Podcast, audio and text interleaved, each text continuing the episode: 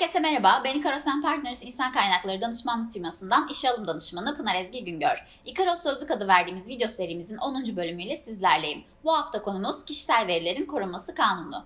Kişisel veri kanunda yer alan tanımıyla gerçek kişiyi belirli ve belirlenebilir kılan bilgilerin tümü demektir. Gerçek kişiye ait ayırt edici özellikteki bilgilerin tümü kanun kapsamına girmektedir. Avrupa Konseyi'nce 28 Ocak 1981'de Strasbourg'da imzalanan kişisel verilerin otomatik işleme tabi tutulması karşısında bireylerin korunması sözleşmesine ilk imza atan ülkelerden biri de Türkiye'dir. Onaylanması 17 Mart 2016'da gerçekleştiği için bu tarihten beri bağlayıcıdır. 7 Nisan 2016'da 6698 sayılı Kişisel Verilerin Korunması Kanunu resmi gazetede yayınlanarak yürürlüğe girmiştir. Günlük yaşamda ve iş yaşamında kullandığımız bilgilerin çoğu özellikle gelişen teknoloji sayesinde farklı platformlarda erişilebilir durumdadır. Bu verilerin işlenmesi kişiler ve mal ve hizmet sunanlar bakımından bazı avantajlar sağlasa da verilerin istismar edilme riskini de beraberinde getirmektedir. Bu nedenle kişisel verilerin korunması adına hukuki bir altyapının oluşturulması zorunluluktur.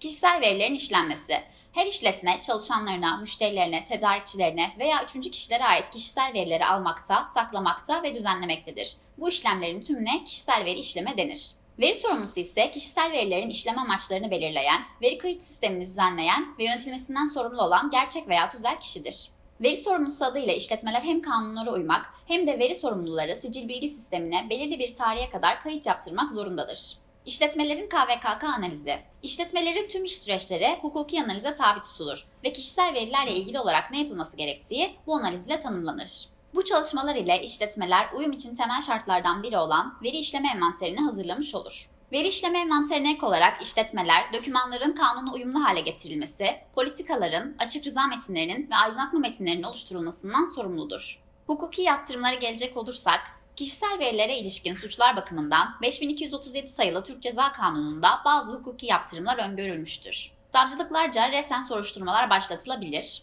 Kanuna aykırı durumlarda idari para cezaları uygulanır. Sonuç olarak gerçek bir kişiye ait her türlü bilgi kişisel veri kapsamındadır. Özellikle yaşanan dijital dönüşümün etkisiyle bu verilere erişim çok daha kolaydır. Kişisel verilerin işlenmesiyle beraber konu hukuki bir boyut kazanmakta ve KVKK ile güvence altına alınmaktadır çalışanların, müşterilerin ve iş ilişkisinde bulundukları herkesin kişisel verilerini işleyen özel veya kamu kurum ve kuruluşlar bu sürece dahildir. KVKK ile mevzuata uyumlu hale gelmek isteyen kurumlar, mevcut hukuk sistemlerinde analizleri yapmalı, veri işleme altyapılarını kurmalı ve veri politikalarını oluşturmalıdır.